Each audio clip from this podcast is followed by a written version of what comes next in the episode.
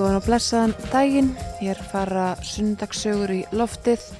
Ég heiti Snærós Sindradóttir og gestur minn í dag er engin önnur en Ingeborg Solrún Gísladóttir. Hún eh, hefur átt afskaplega farsalan og langan feril í stjórnmálum og eh, hjá ymsum alþjóðastofnunum. Við fyrir miklu betur yfir það á eftir. Mér er eitthvað að byrja því að tala eins um eh, ja, daginn. Það er dimbilvika í næstu viku, uh, ekki alveg komður páskar en það stittist þó því að það er 27. mars, sunnudagur eins og áður segir uh, hátægisfrettir að baki og uh, hér á eftir þá verður Rúnar Robertsson í útvarpinu en ég verð hins vegar með eitthvað til klukkan 2. Eins og, já, við erum svo gjörn á að gera hér í útvarpinu okkar á sunnundum, þá skiptu við liði dagskrargerða fólk rásar 2 um, ég er að ræða við gott fólk og, og um hérna uh, ymsu hluti 27. mars eins og áður segir það er Ramadan í fullum gangi hjá uh, muslimum um allan heim hún getur verið áskorun hér á Íslandi þar sem að uh, já, ljósið það er, er hérna er eh, flókimál á Íslandi á þessum árstíma. Það var aðeins talað um það í, í frettablaðinu í vikunni uh, hvernig, uh, hvað ramadan sérst, uh, hvað fastan á hverjum degi getur verið löng hér á landi. Um, merkilt fyrir bari um, trúabröð ótrúlega, ótrúlega flókið og, og já, merkilt fyrir bari en en um, ég ætla líka að spila músik fyrir ykkur dag. Það verður uh, eitt og annað á bóðstólum hér á milli þess sem að ég ræði við Ingeburgu Solrúnu Gísldóttur og uh, ég hugsa að við byrjum bara þar. Við skulum heyra hér eitt lag. Þetta er Nick Cave, gerðu svo vel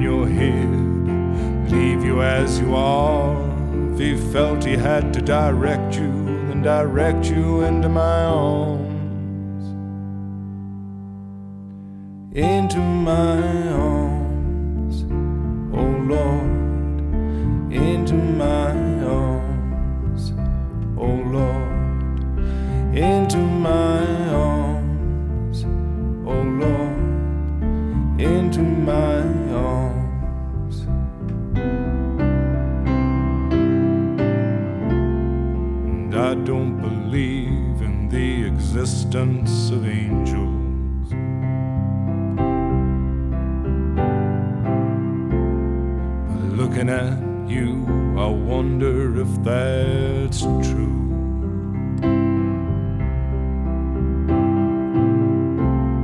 But if I did, I would summon them together.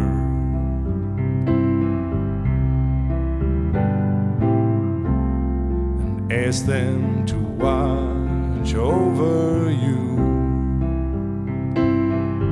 Well, to each burn a candle for you to make bright and clear your path, and to walk like Christ in grace and love and guide you into my arms.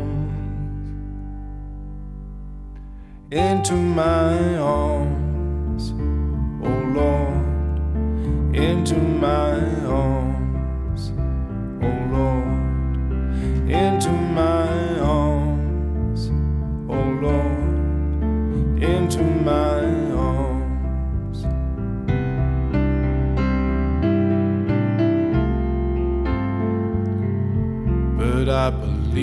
in love.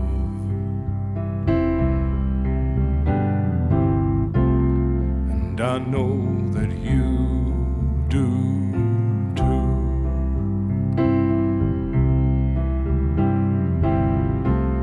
And I believe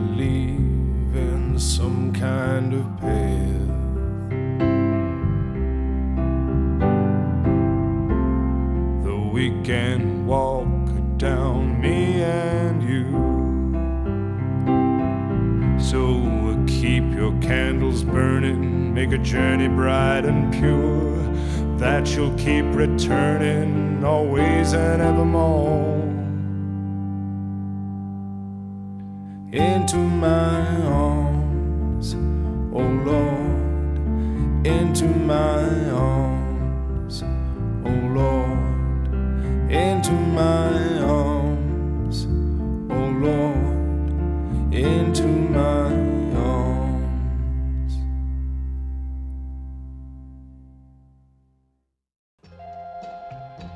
Þú ert að hlusta á Sunnudagssögur. Alla sunnudaga klukkan 12.40 á Rástvö. Já, áframhalda sunnudags sögur. Sunnudagurinn er eh, 27. mars sem er skallast ekki og ég heiti Snærós Sindardóttir. Eh, Ég er með góðan gest hjá mér, það er Ingeborg Solrún Gísladóttir. Hún hefur eh, já, mjög litrikan og langan feril að baki í, í stjórnmálum og í stjórnsýslu. Uh, Ertu hjertanlega velkomin Ingeborg? Takk fyrir. Ég ætlum að, sko ástæðan fyrir því að ég ringdi og, og baði um að koma til mín uh, var 40 ára afmæli kvennalistans, Mhm. 40 ár frá stopnun hans og það, þú byrjaðir þinn feril í stjórnmálum innan kvennalistans, ekki satt? Jú, eða hvenna frambóðsins eins og það hétt því að eh, 1982 þá byggðum við fyrst fram til borgarstjórnar Reykjavíkur og reynda bæjarstjórnar á Akureyri og það var undir merkjum hvenna frambóðsins Mhm. eins og það hétt þá og svo þegar að 1983 þegar búið var fram til Alþingis þá var það í nafni hvennalistans. Þetta voru tvær aðskildar í rauninni eh, einingar til að byrja með og sem að rauninu svo saman í eitt í hvennalistanum. Þannig að þar byrjaði ég með pólitíska feril sem uh, á lista hjá hvernaframbunni fyrir borgarstjórnarkostningarna 1982 og sem annar að tveimur borgarfulltrúum sem að hvernaframbúði fekk kjörið inn í borgarstjórn. Sko ég verða að viðkenna að ég fekk eh, svona, það runnu alveg á mig tvær grímur því aftur að maður það er ekki nema 40 ár síðan að þetta var. Uh, sko ég er 32 ára bráðum, í mínum huga er hvernaframbúðið bara ancient history sem að taki henskuna en 40 ár er stuttur tími fyrir eitthvað sem að var algjör vendipunktur í íslenskum stjórnmálum. 40 ár er stuttur tími ef þú lítur á, á söguna og, og, og stjórnmálusöguna Já. En 40 ár er langur tími í rauninni ef þú lítur á æfi einstaklings Já. Þannig að, að það er svona spurning hvernig þú lítur á það. Mér finnst sko núna þegar ég hugsa um þetta séu 40 ára síðan, þetta er alveg svakalega langur tími. Getur verið, ég er ekki búin að lifa svona lengi. Nei, en mér finnst bara ótrúlegt af því, af því að út af þessum vendipunkti sem þetta varð, ég meina konur voru bara það fundust valla í pólitík fyrir þennan tíma. Nei, þetta var náttúrulega algjör, það var grundvallar breyting í íslensku stjórnmálum. Bæði hvað var það við sko, þáttöku hvenna og, og uh, í, í, í stjórnmálum vegna þess að þegar við byrjuðum þá voru uh, konur í borgarsett Reykjavík að því er með minni 6% og 5% á alþingi Einmitt. og það er bara á einni nóttu þá far, fer hlutfallið á þingi úr 5% í 15 og svo bara næstu kostningum eftir í 20%. Þannig þetta var algjört stökk. En ekki bara í, í hlutfalli hvenna í, í stjórnmálum heldur líka í uh, henni pólitísku orðræðu og, og pólitísku umræðu. Vegna þess að það eru mál sem að uh, konur sett á dagskrá 82-83 sem að höfðu verið algjör jaðarmálefni. En allt í henni færast þau svona inn á miðjuna, inn í þetta mainstream pólitísku umræðu. Bara málefni sem okkur finnast uh, sjálfsögðu dag eins og umræðum fæðingarólof og dagvistum batna, þetta þótti eitthvað svona mjúk kellingamálefni eitthvað einn fyrir Já, þetta tíma. þótt ekki alvöru pólitík Nei. og já, ég allt í góðu, það má svo sem tala um þessi mál en, en þau er ekki pólitísk mál sem að uh, sko eiga að, að hafa eitthvað afgerandi þýðingu í henni pólitísku umræðu. Það voru fæðingarólofið, það voru leikskólanir, uh, það voru hinn kempun í launamunur, umræða um ofbeldi ekki að konum og heimilsofbeldi var ekki til, mm -hmm. það var bara ekki uppi á borðunum og það er þarna sem að það kemur, kemur inn, mm -hmm. þannig að þetta er auðvitað görbylting í henni pólitísku umræðu mm -hmm. og í því hvað þykir vera mikilvægt í pólitík. Einmitt. Sko það sem að, þvældist kannski fyrir hvernig á endanum var einmitt pólitík þar að segja okkur, okkur greinir á í svona á vinstri og hægri ásnum ekki satt. Það er þar sem að, að kvennalistin einhvern veginn svona núningunum verður eða hvað? Ég veit ekki alveg hvort maður á að segja það vegna þess að við sögðum alltaf og við vorum sko, við erum þriðja vítin í pólitík mm. við getum litið á pólitíkina eins og sko, þrýherningar með ás frá vinsti til hægri og svo fyrir ofan hennan ás er eitt hotn eða þar er kvennapólitíkin sem hefur síðan áhrif nýður á allan ásinn, vinstri hægri ásinn Já. og það var það sem við uh, lögðum áherslu á og við vildum ekki skilgrein okkur, láta setja okkur í okkur boks okkur inn í einhver vinstri hægri mm -hmm. boks, vildu losna út úr þeirri umræðu og þeim svona þeirri sem við kallum skilgreiningar dauða því að það var svona, það var svo þröngt, hol, sko, holfunin var alltaf svo þröng og við vorum að losa hana úr því og kannski er hún að verða það aftur núna í, í pólitíkinni, ósæðlega sko, þröng og, og svona ákveðin réttugsun, pólitísk réttugsun sem er í gangi og við vildum losna út úr henni og við losnum út úr henni og það var mjög mikilvægt mm. og frelsandi. Fyrst er pólitísk réttugsun, þetta er sko hugtak sem er nota mikið af, af fólki sem að, já, er ósatt við umræðu ímsina minnilutahópa og svona samfélagslega umræðu, sko finnst þér pólitísk réttugsun vera einhvern fjöturum fót í ofnbæru umræðu? Nei, ég veit ekki hvað ég að segja. Mér finnst sko það er svo mikilvægt að hafa allt einhvern veginn lítrófið undir og leif okkur að hafa uh, svona ólíka skoðanir og að, að það sé réttmætt að tjá þær, þær skoðanir. Mm. Uh, svo getur við sammálaði eða ósamála. En sko, við skulum, það er mjög mikilvægt að leifa þeim allum að, að, að heyrast. Mm -hmm. En sko vandamálið er auðvitað líka það að inn í allir þessari umræði hjá okkur kemur svo í dag svona ákveðin hatusumræða og mjög fordómafull umræða gagvart minnihlautahópum sem að gera það líka verkum að auðvitað minnihlautahópanir sko taka fast á móti. Já, já. Þannig að þetta verður svolítið polariserað, svona það er mikið skautun í, í umræðinni. Mm -hmm, Já, sko Hvernanlistin, eh, ég veit ekki hvort það sé þetta að segja, liðast þið sundur, hann breytist, samfélkingin verður til og svo framvegis, voru það meistök? Nei, allt hefur sín tíma. Já. Sko, hvernanlistin og hvernaframbóði var tvímarlaust rétt aðgerð á réttum stað á réttum tíma mm. sem að skipti sköpum og uh, það er til og býður fram uh, til sko borgarstjórnar, síðasta frambóði þar var 1990 og 1990 og í þinginu 1991 og þá er bara pólitíska umhverfið orðið öðruvísi. Mm -hmm. og uh, það þarfti bara að finna nýja leifir kannski fundust þær ekki strax. Og, og, og hverna uh, frambóði í borginni rennur inn í uh, Reykjavíkulistan auðvitað með mjög áhrifamiklu mætti, hafði mikil ítök þar. Mm -hmm og síðan inn í, já, á þinginu, inn í samfylkinguna og sumar fóru í vinstri græna og sumar voru bara utanflokka. Þannig að það var svona meiri þar á, landsmála vettfanginum var svona kannski aðeins fjölbreyttari flóran. Mm -hmm. En...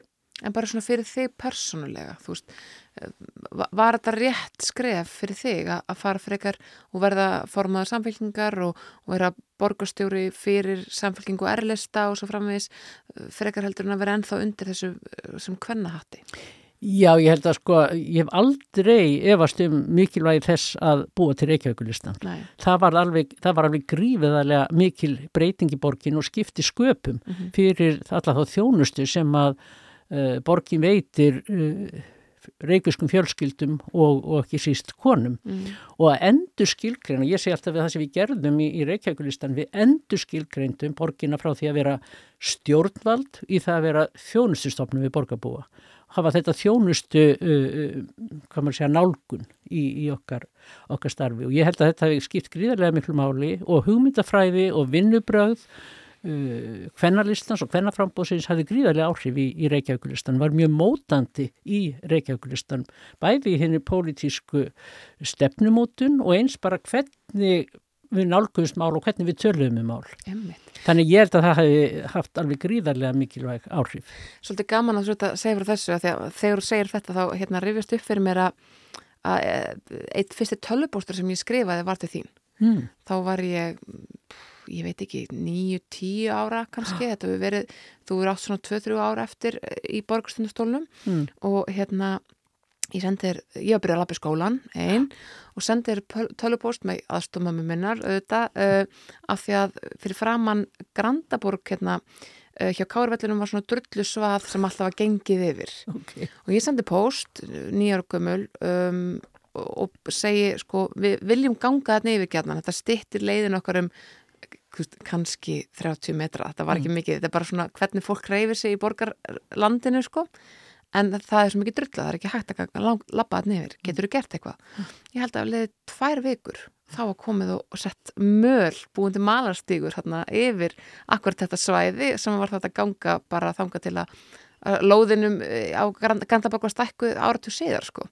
Ég, fyrir mig sem barn var þetta svona valdeflandi að maður geti sendt tölupúst á borgarstjóra og það sé tveim ykkur síðan gripu til ykkur aðgerða. Gott hjá mér. Já, bara frábært. Ég meina, ég þú svaraði mér og sagði, ég skal aðtöða hvað ekki gert Já. og eins og tveim ykkur síðan var búið að, að hérna setja, þetta var ekki flókin aðgerð, hún var ekki dýr, Nei, nei. en hún, hún sko skipti sköpum fyrir mig sem barnalegin í skólan. Já.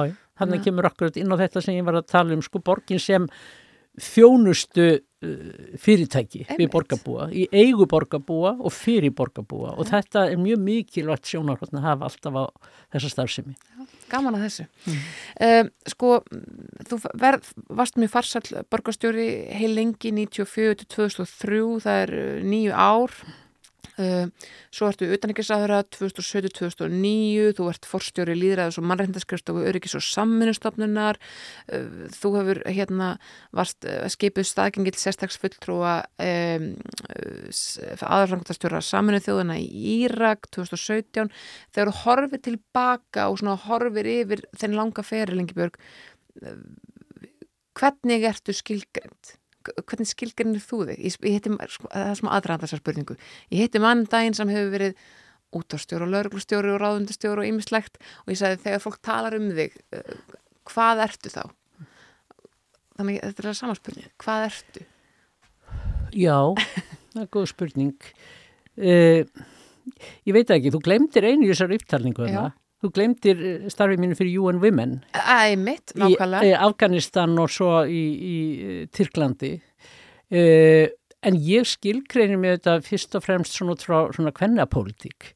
Ég sko, það er þar sem ég byrja í pólitík og það er það sem að hefur fyllt mér uh, alla tíð og hvar sem ég er starfað og hvað verkefnum sem ég sinni þá reynir ég alltaf að, að sjá þau með svona uh, undir kynja vingli vera með þau gleru og nefinu þannig ég sjáu hvernig allt það sem ég er að gera hefur mismunandi áhrif á, á konur og karla. Þannig að ég held að, að það er það sem að svona já, skilgreinir mig. Það er uh, að vera kvennapólitísk Já. og nálgast öll mál þannig. Vera og þau störf sem að hins vegar ef ég horfa á sk- störfin sem ég vinnið sem að hafa gefið mér mest og ég hef haft mest gaman af að sinna það var annars vegar að vera borgarstjóri í Reykjavík og hins vegar að starfa fyrir UN Women í Afganistan Já. hvort tvekja mjög svona augrandi og mörguleiti erfið verkefni Mhm. en rosalega gefandi af því að það sem maður var að gera skipti máli Þetta er nefnilega, það var hérna hrein tilvílun að ég glemdi þessu starfi sem er auðvitað mjög sko markand á þínum ferli fyrir Jón Vemen. Um, þú, þú ert mentuð sagfræðingur, sko ferði pólitíkina, okkur íslendingum svona hættir stundum til þess að að svona okkur finnst pínu fínt að hlutirnir komi óvart fyrir okkur við Mm. ætlum okkur ekkert mikið eins og, svo óvart ef maður orðin fórseti eða hvað sem er Eh, sko, sást alltaf fyrir þér að þú næðir þeim hæðum sem þú náð Nei, drotti minn sætla góður, það ger ég ekki. Ég meina, ég er stelpar sem er að alast upp á, á sjönda áratugnum Einmitt. og það er ég á engar fyrirmyndi, það er engar konur sem að maður getur hort til og, og, og sagt að séu, séu fyrirmyndir og að, að konur verði eh, hérna stjórnendur eða eh, áhrifavaldar í pólitík. Það var bara ekki inn í myndinni. Nei. Að vísu, sko, átti ég föður sem að, að hérna, var alltaf að, að hvetja mig og, og, og sá og, og, sá einhvern veginn fyrir sér í færi pólitík. Þó ég gerði það ekki. Mm. e, en við erum síðan mjög ósamál í pólitík þannig að við deildum mjög mikið um pólitík. Mm. en hann eigi rauninni má segja kannski þjálfaði mig svolítið upp í það að fara í pólitík vegna sem við vorum alltaf að takast á Var hann hægra maður Já, hann var hægri maður. Og við rökrættum mjög mikið og ég lærði mjög mikið af þessu. Þannig það er oft ágætt að, að eh, vera ekki alltaf samála fóröldur sínum. Já, það er mjög gott. Ég segi líka alltaf og ég brýn alltaf með það það er, það er mikilvægt fyrir konur og stúrkur að vera ekki stiltar og brúðar. Einmitt. Það er mjög mikilvægt. Það er mjög mikilvægt, en, en sko þannig að það er ekki, í dag snýst svo margt um svona markmiðasetningu og maður á helst að hver, byrja hverju ári að búa sér til eitthvað svona, eitthvað svona mynd þar sem maður setur allt sem maður langar í lottovinningin og, og hérna börnin og allt sem maður langar til að eignast á því ári. Það er ekki þannig sem þinn ferill verður til. Ég hef aldrei gert neinn plön einhvern veginn um æfi mína og, og, og uh, það hvað ég geri. Ég hef einhvern veginn alltaf einsett mér bara að vera opinn gagvart því sem að kæmi til mín og vera tilbúin þegar, eitthvað svona rekur á fjörum mínar en ekki að, að skipulegja tilveru mína aldrei. Nei, einmitt. Og samt verður yfir maður allar þessar stopnarnar sem ég nefni. Já, þetta er bara einhvern veginn leiðir eitt af öðru og það er náttúrulega aðalatrið að maður sé alltaf fást við hluti sem maður hefur mikla ánægja af. Uh, sé ekki að, að gera eitthvað bara til þess að, að uh, hvað maður að segja, eiga fyrir salt í grautin sem er náttúrulega auðvitað mikilvægt Já, en að reyna að vera við hluti sem maður hefur ánægja af og, og setu þar að leiðandi sko, lífsitt í. einmitt, Það hef ég reynd að gera og það, þá hefur einhvern veginn eitt litt af öðru. einmitt. Mér langar að tala hans betur um Afganistan hér eftir uh, smá, ég ætla að setja eitt lag á fóninu og svo komum við aftur.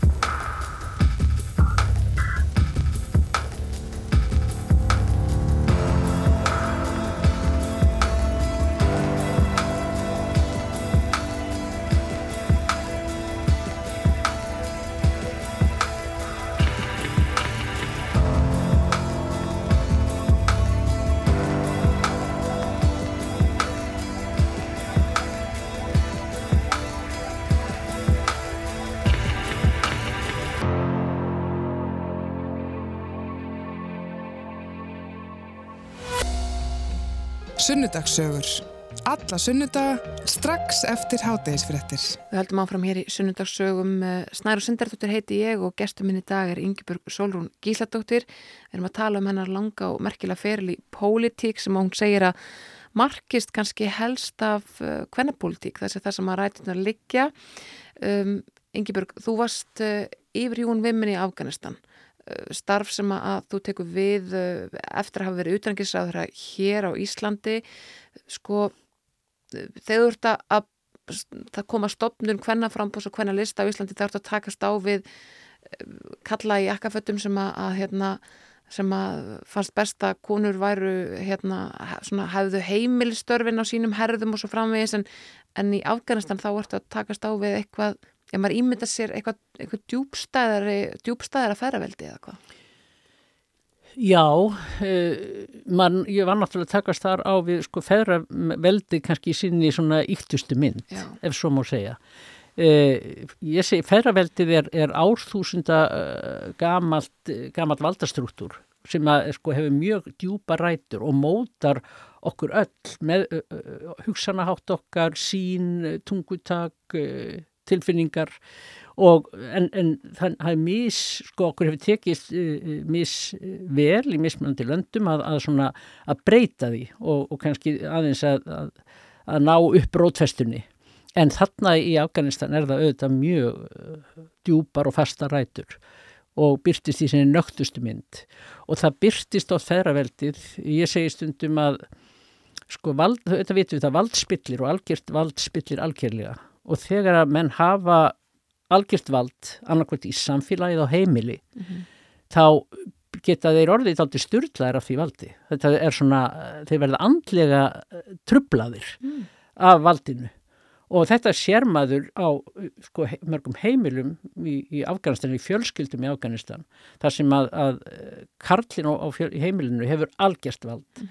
Og, og þeir, þeir, þeir beita því með hætti sem er svo grimmilegur stundum að maður ætlar ekki trúa því vegna þess að maður veit að þeim tekir líka væntum þetta fólk sem þeir eru að, að meðhundla svona Já.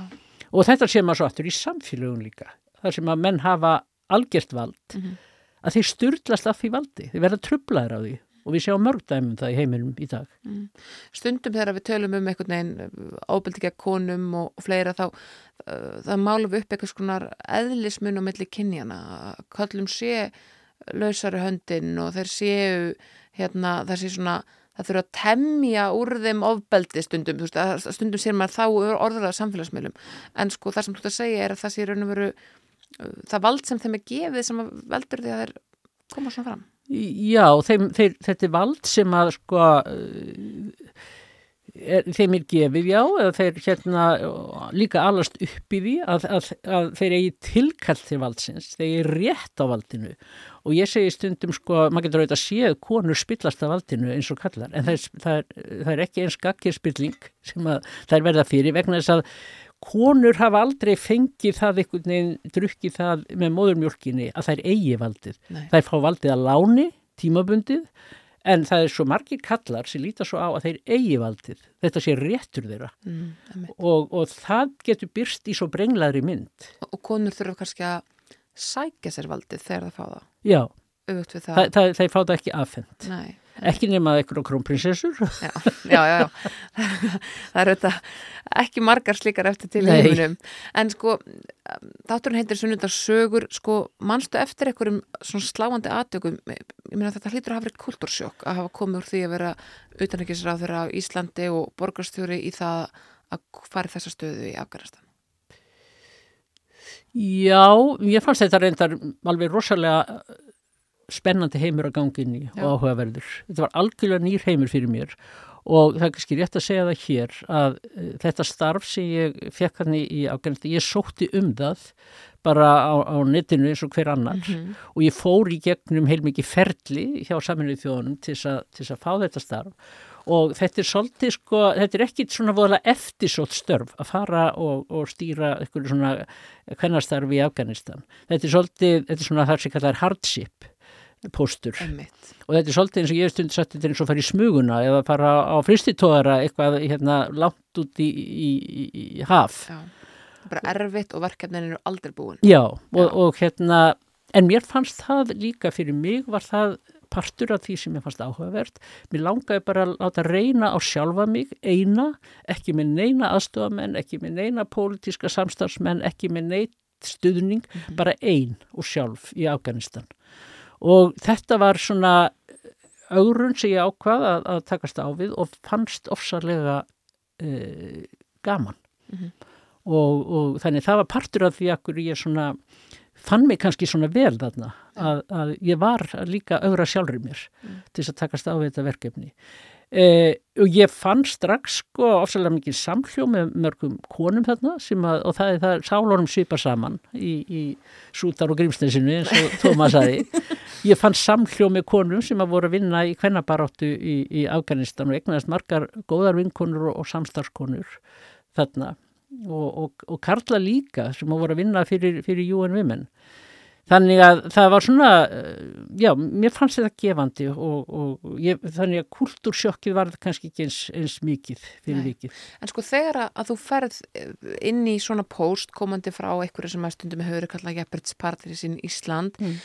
sko hvort er þeir ætlað að að breytast ekki, að koma með það íslenska viðþorf inn í þessa stöðu og breyta frekar í kringum þig þannig að það einhvern veginn uh, verði samhljómur með þessu mikla jafnbretti sem að við búum sjálf yfir hér þó það sé ekki fullkomið eða þartu að skilja betur eitthvað svona menningarlega þangagang sem að, að er í, ríkjandi á svæðinu.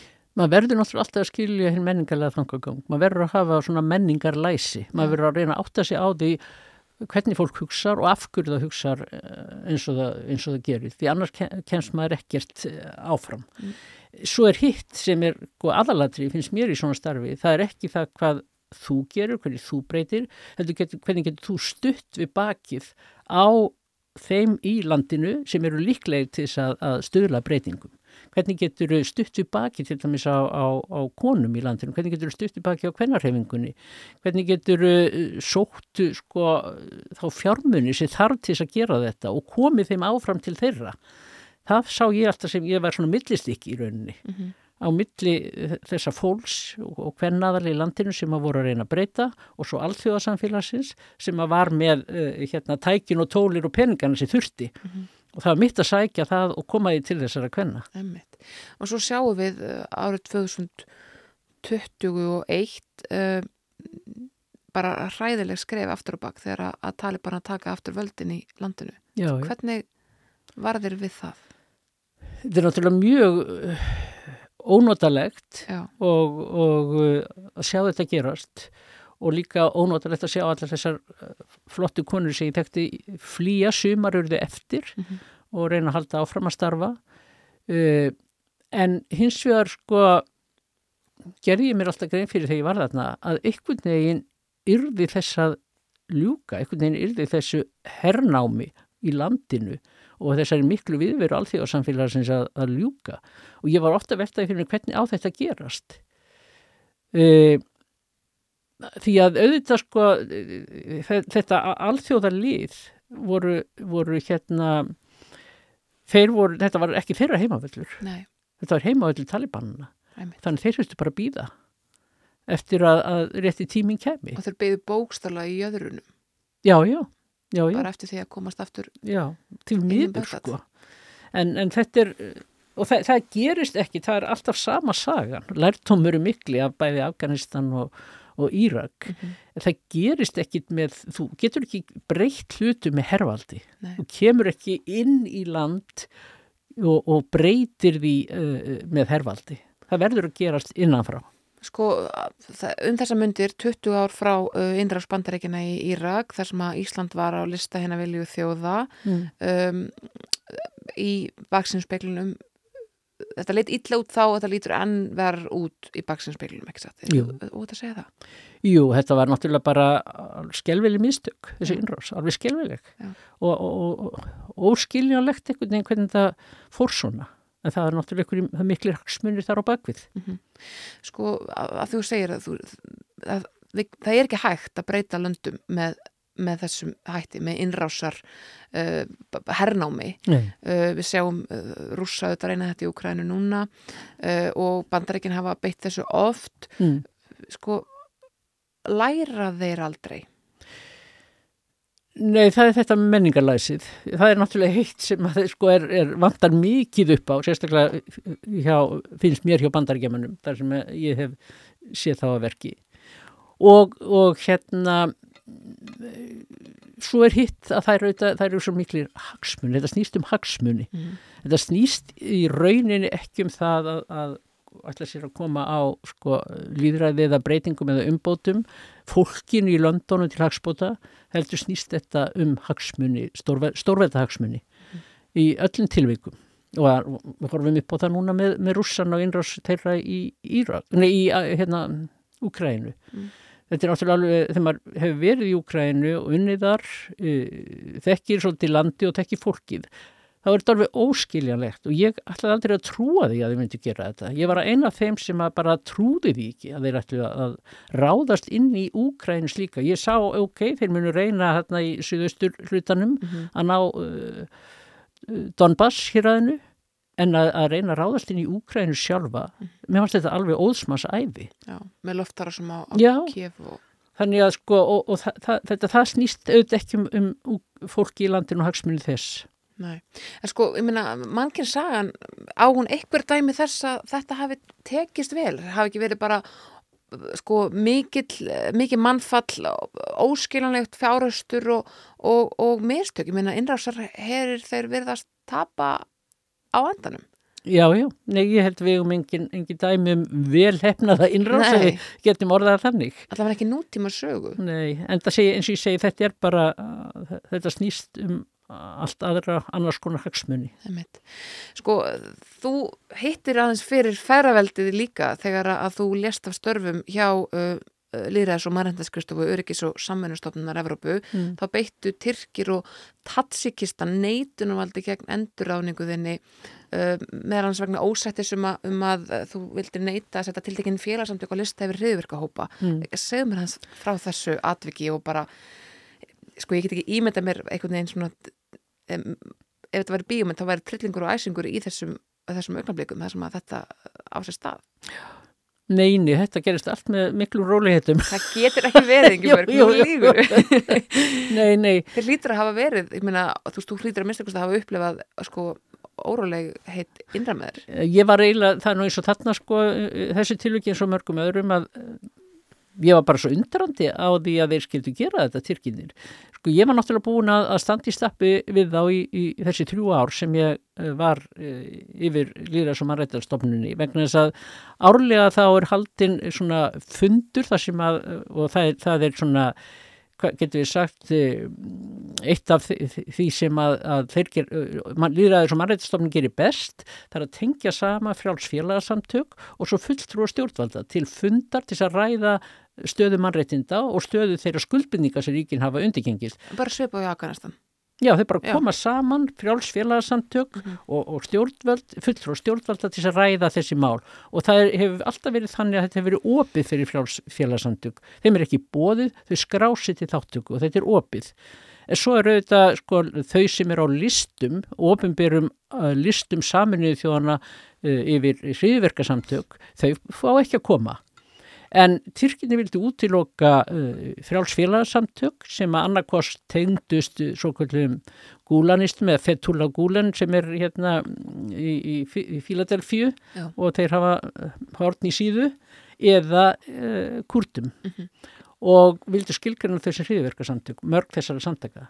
Og ég sagði bara það, það get ég ekki gert vegna þess að þau er ekki, það er enga sannani fyrir því að þetta séu hriðverkasamtök ég get ekki tekið það upp hjá sjálfur mér að ákveða ykkur samtök séu hriðverkasamtök og ég neitaði þessu í þrjú ár. Þannig að þetta var auðvitað búið að vera svona daldi barningur og vegna þess að ég neitaði þessu þá komið Tyrkinir ekki fulltrúa stjórnvalda á þessa fundi. Svolítið að þetta var auðvitað búið að vera svona núningur. En svo þegar kom að þessu að endur nýja þá ákvaðu þeir að, að refsa mér fyrir þetta með því að, að, að endur nýja ekki við með samlingin. Og það, ég var eiginlega svolítið mjög hissa á því sko að þeir skildu stíga þetta skref. Já. Vegna þess að málið er svo eftir sem áður óleist innan samtakana. Einmitt, var það með eitthvað ágengt með Nei, því að beita nei, nettumaldinu? Það, það er óleist sko en þá. Já, og þessi samtökur er ennþá ekki skilgrind. Nei, sem- nei, nei. Þannig að þetta var bara, Já, þetta var svona uh, fyrir þeim og það, það er náttúrulega annað sem er mikilvægt að hafa í huga með Tyrkina að það, þetta er svona, þeir líta á þetta sem að svona, segja, sjálfsmyndarmál, já, þetta með, að, með kurdana sérstaklega og er þeim mjög erfitt, ég meina þeir eru að beita neitunumvaldi í NATO gegn svegjum og finnum núna. nákvæmlega. Þannig að það er alveg sambóð tegn. Við sjáum, við sjáum þarna, uh, já, bara ákveðna svona tegundapóliti. Þeir eru mjög ósveigjanlegir. Þetta er sko, ég, það, það, það hef ég líka verið að segja við ymsa sko varandi menningarlæsi, það er mikilvægt átt að segja á því að þetta er ekki bara eitthvað svona eh, kosmetískt mál fyrir Tyrkjónum. Þetta er alveg, þetta situr alveg rosalega, eh, gengur þeim í merg og bein, þetta, þessi, þessi mál. Og þeir beita sér hart þegar kemur að, að því að, að, að eh, sérstaklega kurdunum. Beitu við okkur eitthvað mann hart á alþjóðsviðinu, Ísland? Er eitthvað svona mál sem að, þú veist, ég svo oft velt sér fyrir mér, uh, hérna, í umfyllur um menningarnám, þá hefur stundum veginn margir kastaði fram að ef það verið að gera grína okkur fyrir að vera lópa pössum þá tökum við ekkert sérstaklega nær okkur og svo framvegis. Veist, er eitthvað sem við brennum virkilega fyrir þegar það kemur að sjálfsmynd Íslands sem við værum til að sko, bara láta rigna eld og brennistein í stað þess að- í gegn? Já, ég veit ekki. Ég vona nú að, að hérna, herleysi okkar Já, sé slíkt mál sem, sem, sko, við, sem við erum öll sammála um og, og sé svona, ein- einmitt, sko, runni okkur svolítið í merk og þetta sé friðsum og herlaus stjóð og við verðum að beita öðrum tólum heldur en uh, hertólum til þess að, að bæða verja okkur og, og ná okkar málum fram. Ég vona að það sé þannig og, og, við stöndum öll þar fast í ístæði. mm. heldur það ég meina, við sjáum að ég til dæmis bara andstæði með NATO hefur á einu ári nánast þurkast út á Íslandi Já, en það er kannski ekki alveg sami hluturinn Nei. vegna þess að ég er að tala um það sko, að uh, vera með sín eigin hér, vera með sínar eigin vopnuðu sveitir. Mhm. Eh, Ég held að þar líki kannski uh, línan eh, frekar en annar staðar. Og svo vona ég líka sko að, að, að það sé komi núna líka í okkur, alveg stert inn í okkur að, að standa með réttundum hvenna Já, á alþjóða vísu. einmitt. Ég ætla að taka stutta pásu, Ingibjörg, og svo komum við að með spóri og ræðum betur um, já, þín störf og, og kannski hugarefni.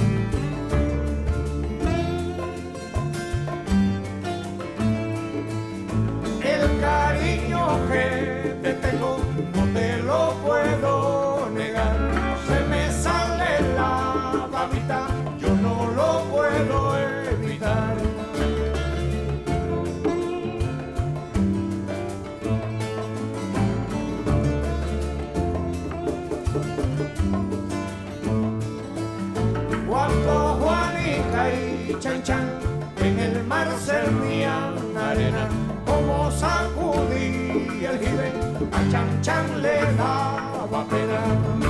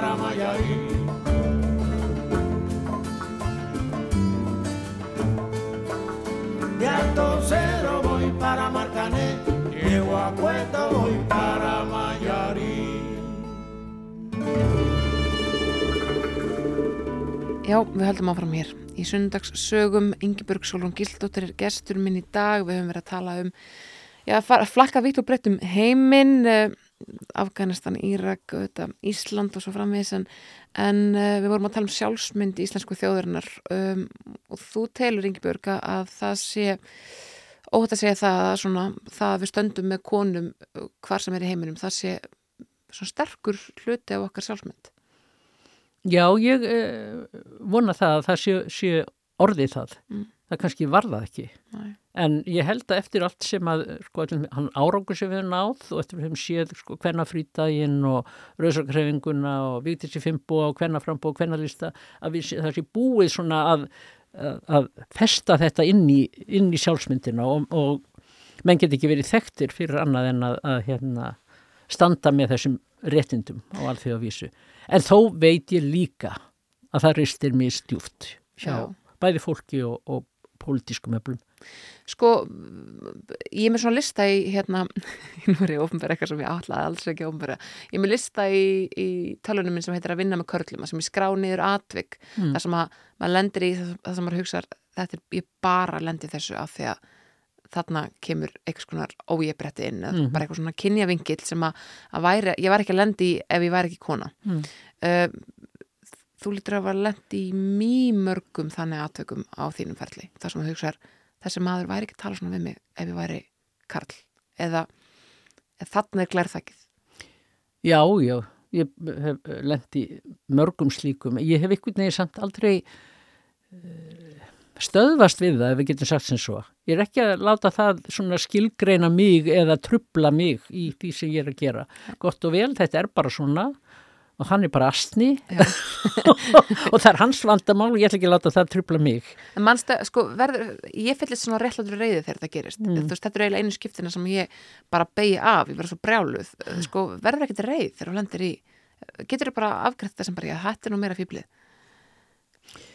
Já, ég hugsa kannski sko, ég er náttúrulega eh, komin á virðulegan aldur eins og svo Já, maður segja. já, en ég meina það horfði tilbaka. Já, og ég hef auðvitað eh, ekki reiddist- verið verið Nei, nei, ég reyttist hérna þegar ég var yngri Já. en sko, svo lengi læri sér lifir og, og hérna maður bara einhvern veginn hendir þessu bakvið sem maður getur ekki verið að stöðvast við þetta. Manst ekkert svona aðtök?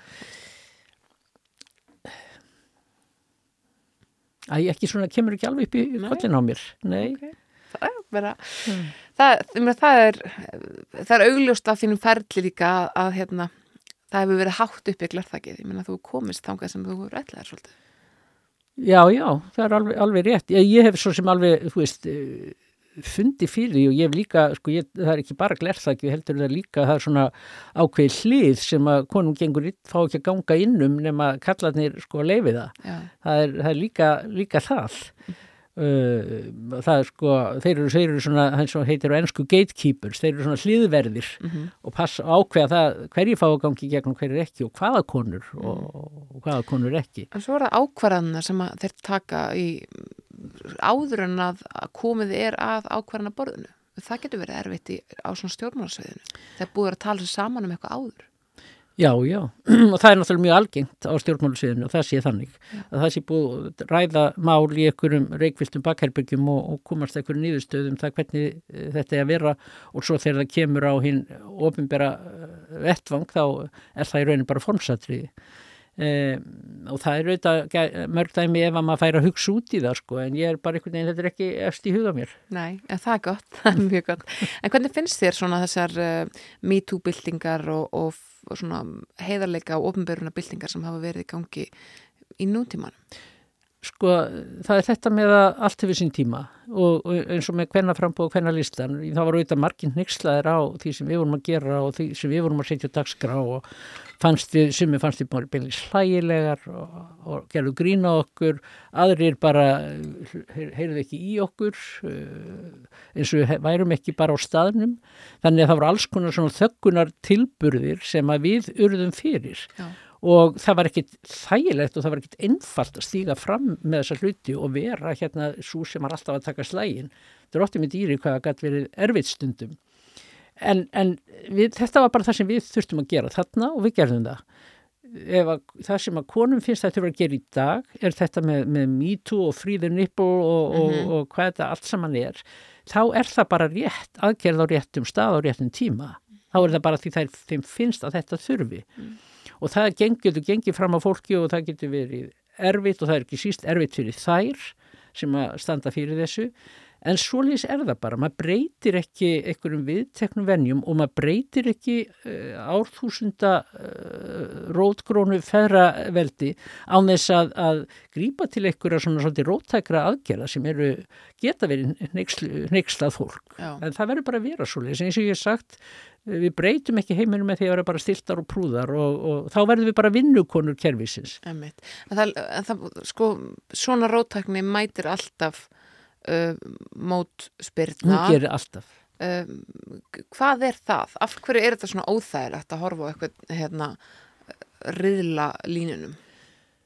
Sko ég hef alltaf sagt að hérna þökk sé konum sem að nenna að þrasa um viðtekna hluti þá höfum við séð ímsa breytingar og þú verður að hafa sko kjarkin og úthaldið til þess að þrasa um alla þessa viðteknu hluti sem að, að samfélagið tekur fyrir gefna. Við vitum alltaf hvað við höfum og er svo mikið tilneying til þess að standa vörð um það sem við, við höfum og finnast það sem við, við þekkjum vera bara eins og náttúrulegumál sem eru þetta bara mannana verk, allt saman mannana verk. Og, og það, það er svo gott að vera inn í sko, þæginda, vera inn í þinni búblu og, og, og þurfi ekki að takast á við einhverja nýjar augranir, nýjar spurningar nýja heimsmynd, Já. vera bara með þessi gömlu ambóð og þurfi ekki að spekulir í þessu nýja. Menn þetta úthald, uh, þú ert orðin 69 ára gömur, mm -hmm. já, ég var bara hugarekningurinn. Uh, sko, þú ert nýverið skipuð um, í þryggjamanna rannsaklarnemnd til að rannsaka árásuna fangilsi Óli Ninga í útgrænu. Mm. það er, það er Antonio Guterres sem að skipa það í þess að nefnd sko verður aldrei þreytt hugsaður aldrei, já, já, nú ætla ég að koma heim og, og fara að huga að garðinum eða eitthvað. Jú, jú. Ég, og núna er ég komin heim náttúrulega. Já. Ég er hægt að vera í útlöndum. Ég var um 11 ár í útlöndum og ég ákvað að að nú vildi ég fara að koma heim. Ég á orðið barnabörn og mér langar að vera hér Já, og ekki að, að vera alltaf svona í landi burtu frá öllu mínu fólki og maður finnur líka að tengslinn byrja að trosna við svona vini og, og samfélag einmitt. þannig ég vildi koma heim og ég er hér og ég er hægt að formlega séð að, að vinna þó ég takja mér einstök verkefni eins og þessa, þessa nefnd Mhm. eh, ég er hins vegar sko ég er svolítið spartönsk í að mörgu leiki eða hvað maður að segja, ég er svolítið kalvinisti í mér. Mér finnst alltaf að maður eigi að gera gagn. Já, uh, maður eigi að vera að gera gagn. Og ég var einmitt að hugsa þegar ég voru leiðinni hérna einhverja hluta vegna sko nú er maður komin á þennan viðhaldsaldur og maður gerir mikið í því að halda sér við andli og líkamlega og passa upp á það allt saman. En til hvers? Ég er að halda mig við til þess að gera eitthvað gagn. Næ. Og, og það er það sem að, að, mjög skipta máli og ég verð aldrei ekki þreytt á því þó ég vilji kannski ekki vera í atinu miðju. Nei. Hvernig heldur þau við andlega og líkamlega? Ég náttúrulega er farin að, að ég, ég geng mikið, það er eiginlega mín, mín, mitt aðal hobby, það er að ganga. Ég syndi, ég fyrir jóka, Mm. fyrir leikvimi, eh, en svo lesi mikið og ég hef líka tók þá ákvarðum fyrir stuttu að alltaf því ég beinum að gera eitthvað og segja já. Alltaf? Ég, ég er kannski aðeins að gefast upp á því núna, það búið að vera svo mikið að gera. en ég ákvað að segja já, eitthvað verkefni sem ég var kannski ekki allt og vel inn í Já. vegna þess að það væri bara ögrum fyrir mig þá þýtti að það ég þurfti að setja mig inn í málinn og ég þurfti að hugsa þau svona sjálf og það, það er lí- hugarleikvimi sem að er mikilvæg Og, það, og þú ert bara meðvitið um þetta, bara núna eh, fyrir að síga á efri hluta æfinar og það þarf að, að láta öll, það þarf að smyrja hjólinn reglulega. algjörlega og, og ekki síður andlega sko því það er svo auðvelt að lenda í einhverjum andlegum doða og festast í því sem maður bara veit og þekkir og, og vera ekki að bæta miklu við sig það er mjög mikilvægt að, að, að augra sér andlega og, svona farið svolítið heila leikfimi Getur þú hugsað þér að fara í skóla eða eitthvað svoleiðis? Ég nenni ekki Nei. skóla ég er bara að læra sjálf Já, einmitt. Sko, þú veist, þetta er áhuga málinn og, og mikilvægt að halda sér við og svo framvegis en sko, Ingibjörg Solrún í öðru lífi, ég meina, ef þú hefur ekki orðið pólitíkus, hvað, hvað hefur orðið? Já, hvað hefði ég orðið? Ég veit ekki, ég fór náttúrulega að læra sagfræð á sínum tíma því að eh, ég hafi mikið áhuga á, á því og kannski hefði ég farið inn, inn í ykkur svona, ég hef mjög gaman af svona uh, stúdera mál og, og setja mig kyrfilega inn í mál og ég hefði sjálfsagt farið í ykkur sagfræði eh, pælingar og rannsóknir. Þú reytstyrði veru um tíma, uh, blaðamennskan eða rann, eitthvað slíka rannsnáfinn, er það eitthvað sem hefur ekki orðið hérna, helgi sjálfan þennan kynslu? Ég veit það ekki, ég held ég hefði farið meira inn á fræðasviðið. Já, já, já, ummitt. Sko, og sagfræðin, ég meina, hún er auðvitað hápólitísk. Hvernig sér þú fyrir að við einhvern veginn, ég meina, stundum er sagt að sigurvegarinn skrifi söguna. Hvernig verður þessi saga skrifið sem við erum að lifa núna? Já, það, það, það verður alltaf að skrifa sögun upp og nýtt, hver einasta kynnslóð verður að skrifa sögun upp og nýtt vegna þess að koma ný sjónarhóttna kom, kom, koma nýjir uh, hluti fram í dagsljósið og uh, við erum alltaf að skrifa söguna svolítið út frá því sem við þurfum á hverjum tíma, það okkar hagsmunum á hverjum tíma.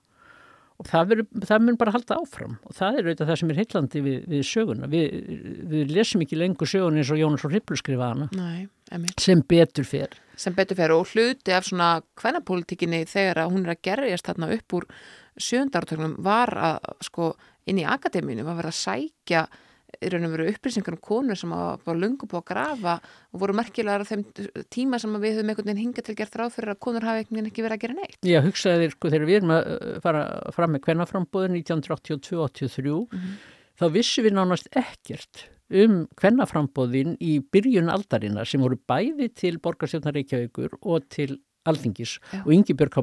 Bjarnarsson, fyrsta þingkonan, er kosin inn af kvennalista. Og við vissum ekkit um þessi eh, hérna, frambóð, þó við værum allar, eða mjög margar háskólamentaðar konur og suma sagfræðimentaðar. Þetta, þetta var bara ekki partur af sögunni. Sagan hefur uh, náttúrulega verið eins og sagði skrifið út frá er saga Sigur Veðarans og líka saga valdastjættana á hverjum tíma og konur hafa ekki verið hluti af því og svo er bara sögusvarti almúgi sem er ekki hluti af því og, en það er auðvitað verið að endurskrifa svolítið söguna með tillit þessa. Sko valdastéttunar eru þær sterkar eða veikar en, en áður hér á Íslandi. Peningarnir hafa auðvitað færst svolítið svona og völdin út úr pólitíkinu kannski einmitt inn í efnægslífi en við horfum á þessar blokkir sem að stjórna Íslanda eitthvað leiti á baku tjöldin. Er ekki óhætt að segja það? Jú, sjálfsagt hefur það nú alltaf verið uh, þannig sko að við hefum verið með svona uh, valdahópa og, og, og valda uh, svona elítu sem að hefur stýrt þessu landi Já. en mér finnst einhvern veginn það sama hafa gerst hér eins og í svo mörgum öru löndum að uh, þeir ríkur að verða ríkari Já.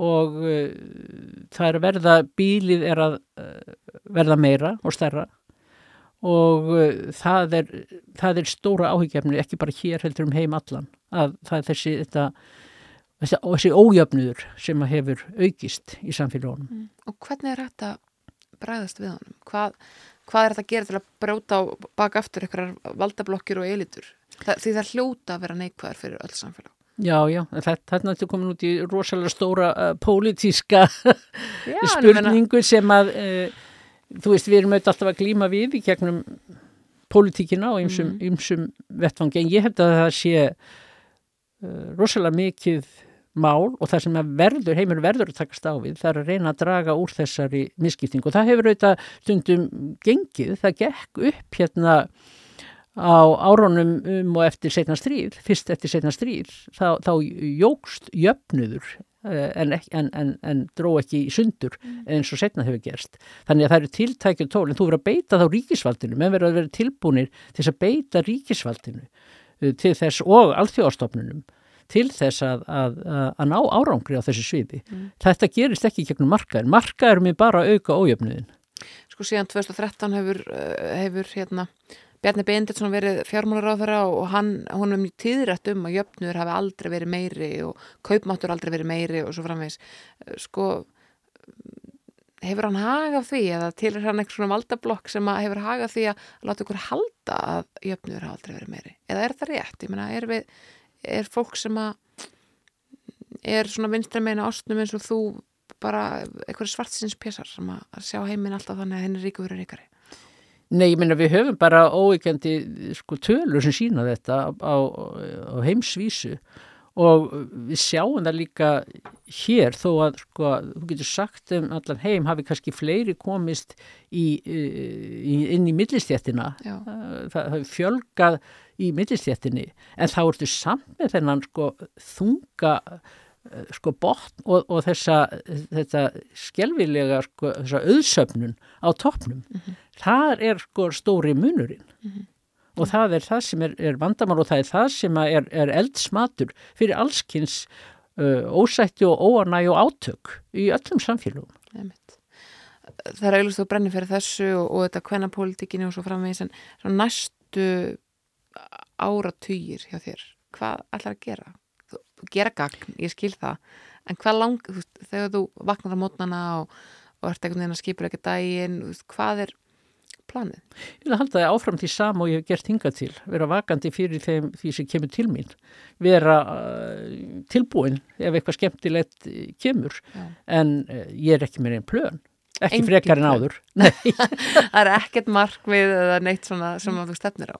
nei, nei, ekkit annað en bara, já, að vera vakandi, að vera, já, með vakandi vitund, samfélagi mínu og, og aðstæðum og, og því sem að hugsalega getur, já, á daga mínu drifið. Mm.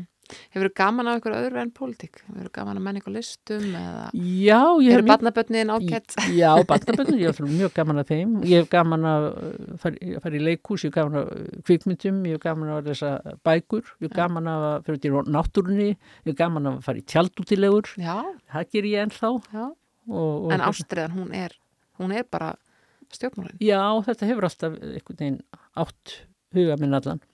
Og bara erfitt að ímynd sér lífið án þeirra Já, en samt er ég ekki eina af þeim sem er alltaf, alltaf að tala um pólitík alla daga, Nei, alls ekki. nei.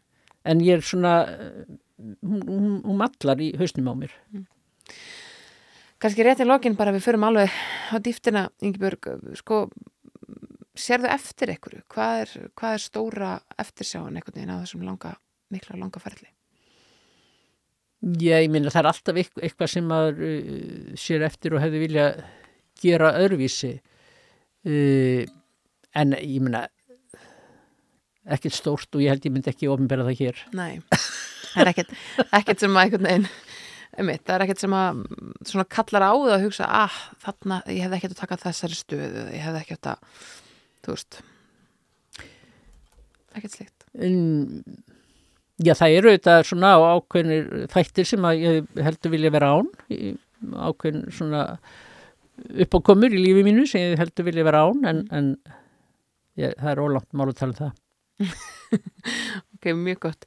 Þannig að, já, sko, sem að sumurum þetta bara þessu upp, eh, þú, þú virðist einhvern veginn nálánt án þess að vera með stór markmið uh, og ert ekkert mikið að horfa baksinnspeilin eða neitt slíkt, það er svolítið svona eðli þú þegar bara stokka, stokka næsta stein og veist ekkert endilega, þú veist kannski ekki endilega hvað gerist í næstu viku eins og hér. Er þetta ekki bara núvitund? Já, emmi, og bara jóka á göngutúrar, nú, nú veitum. Já, það, og það er ekki planar. Þetta, þetta er bara, þetta er bara einhvern veginn axlast svona. Magna, ertu alveg upp þannig að hlutinni séu bara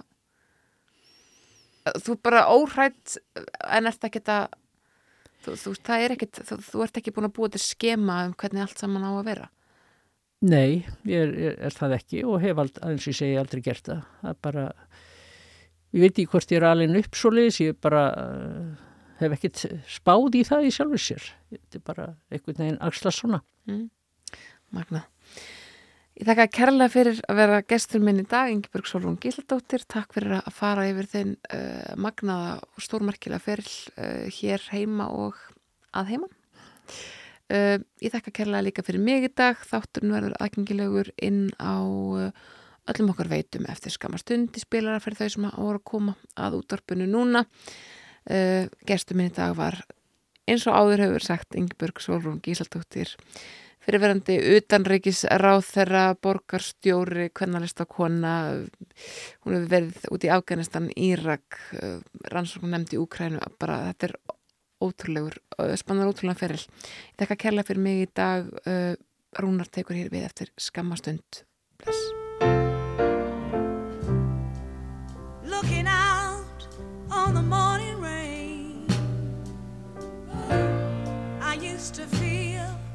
so uninspired. And when I knew I had to face another day, Lord, it made me feel so tired.